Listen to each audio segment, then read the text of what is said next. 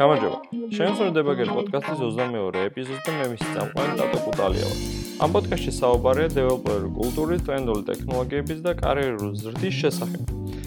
დღევანდელ თემაზე სანამ გადავალ უშუალოდ, ამ კვირაში ცოტა ციებცხელება იყო იმ აპლიკაციაზე, რომელიც თავრობამ გამოუშვა, ეს COVID-19-ის სამონიტორინგო აპლიკაცია, ასე ვთქვათ.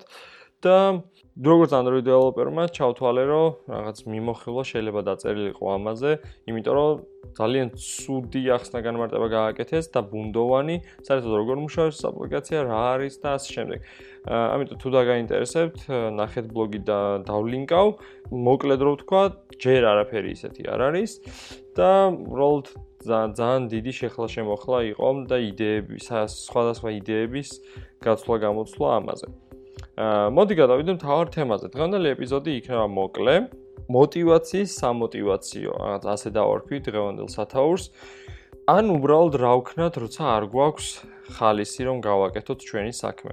ძალიან ბევრს უჭირს мотивაციის პოვნა და ფოკუსი, როგორც თქვი, ამ каранტინის პერიოდში და ძირითადად დაკარგვა мотиваციის არის იმ შემთხვევაში, როდესაც სხვა უფრო სასიამოვნო აქტივობა ამოტივტივდება ხოლმე ჩვენს გვერდით. თუმცა ეს არ არის ერთადერთი მიზეზი და ამაზე შემდგომ უკეთ ვისაუბრებთ. ну საქმე არ გვაქვს აქ პროკრასტინაციასთან ეს გამოვრიცხოთ, სხვა რამე არის.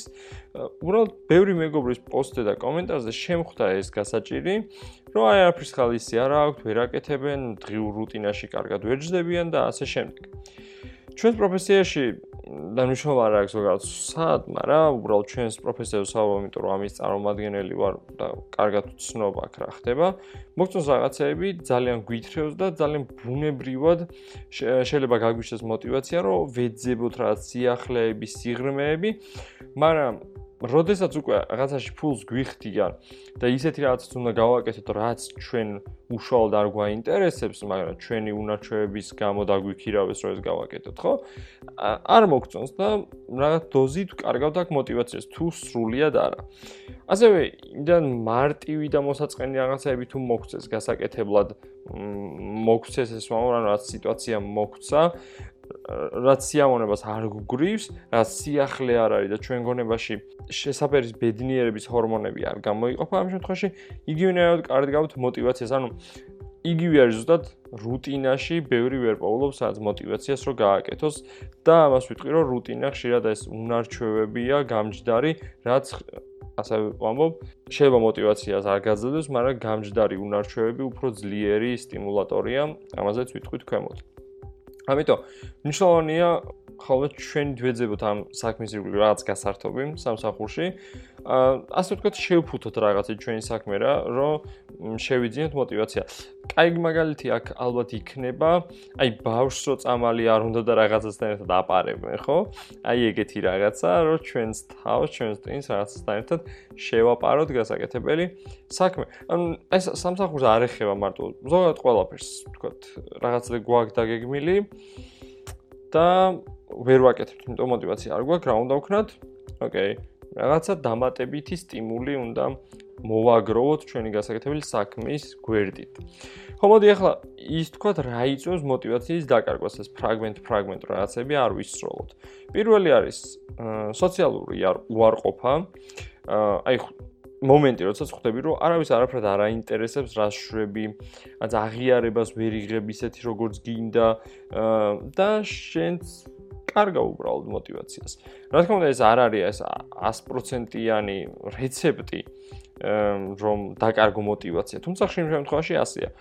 კონკრეტულად каранტინის ეხანდაც кейში ძალიან ბევრი мотивация დაკარგა, იმიტომ რომ უშუალო კონტაქტი არ აქვს თქვათ იმ თანამშრომლების წესთან, რაღაც სხვა ინტერესები ჩაენაცვლა ზოგადად სოციუმში ადამიანებისთვის გადაფასდა პრიორიტეტები და ეს აქტივობა არ იწვევს დიდ ინტერესს, ამიტომ мотивация იკლებს. საქმე, რომელიც მხოლოდ мотивациაზე კიდე დაფუძნებული, ძალიან მარტივად შეიძლება ამის გამო ჩაიშალოს და ამიტომ ვამბობ ხოლმე, რომ თავარია კონსისტენტური იყო და ჩვევად აქციო, ვიდრე მხოლოდ мотивацიის იმედად იყო დარჩენილი.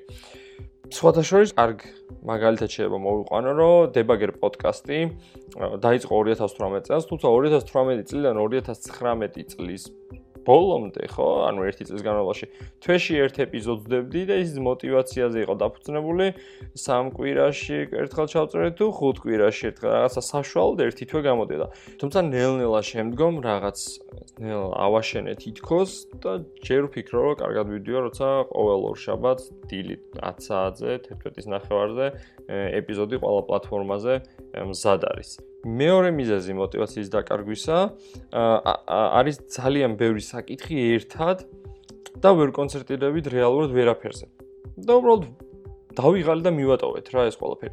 ტვინს აქვს რაღაცა რესურსი, რათა ეფექტურად იმუშაოთ და სხვა არასაჭირო რაღაცებით ნუ გადავტვირთავთ მას, იმიტომ რომ თან მithumates ახლა каранტინში როდესაც ხარ, აი მაცივარში გიდევს და არ უნდა ჭამო ამაზე თუ ფიქრობ, მე ვაიმე მაცივარი აჭედილია, ანუ გონება შენს აჭედილია და არ უნდა მივეკარო და იმაზე ფიქრობ, რომ საქმე თან ეფექტურად გააკეთო, თან გონებაში სულ გეფიქრებ, რომ აი მაცივართან არ უნდა მივიდი. ამ შემთხვევაში ეფექტურად ვერ გააკეთებ საქმეს.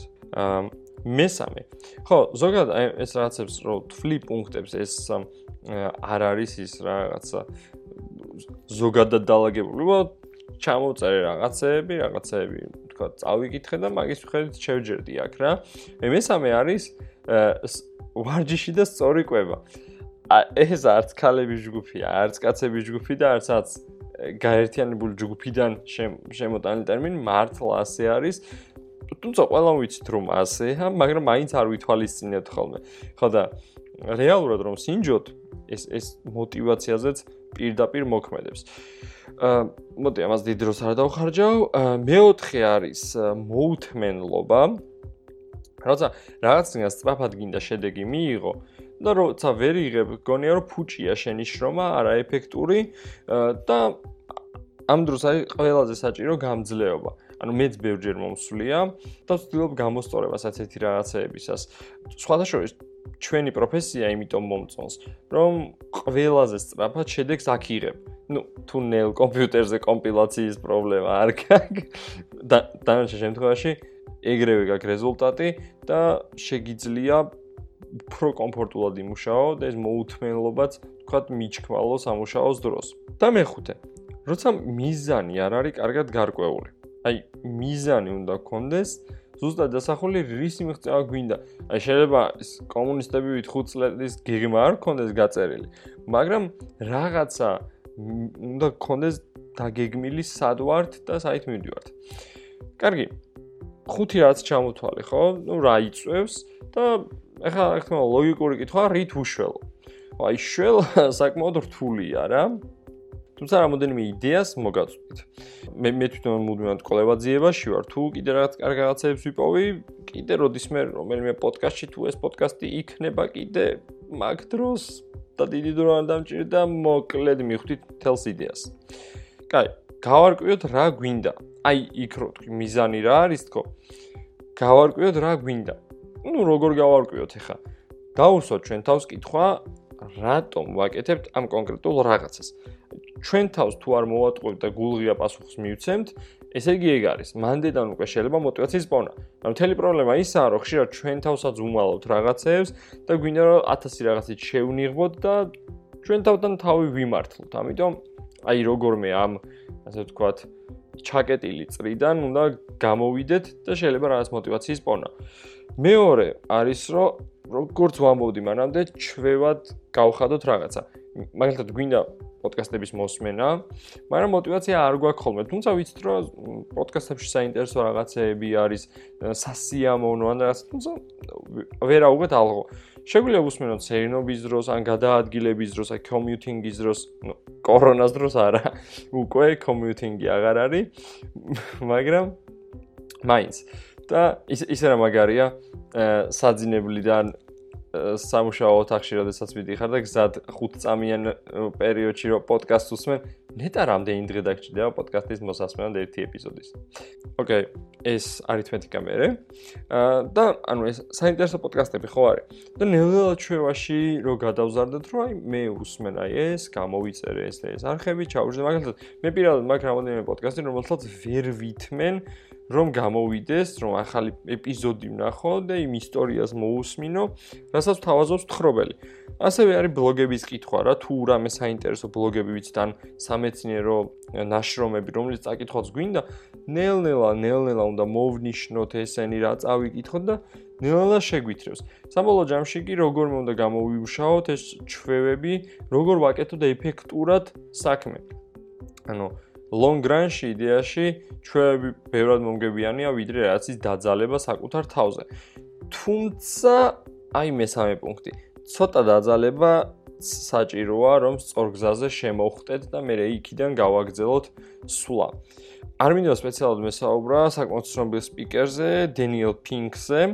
თუმცა აუცილებლად დავლინკავ მის მასალას და შეგიძლიათ გადახედოთ ეს სამი ცნობილი ელემენტი და თქვენ თვითონ ნახეთ, YouTube-ის ლინკები იქნება და თქვენ თქვენეული ვერსია აუწყეთ თქვენ თავს, როგორ შეიძლება იპოვოთ мотивация. ხო და мотивაციის სამოტივაციოდ იყო ეს ეპიზოდი. დიდი მადლობა ყურადღებისთვის. თუ არ დაგილაიქებიათ Facebook გვერდით, დაალაიქეთ. შევხვდებით შემდეგ ეპიზოდში. ნახვამდის.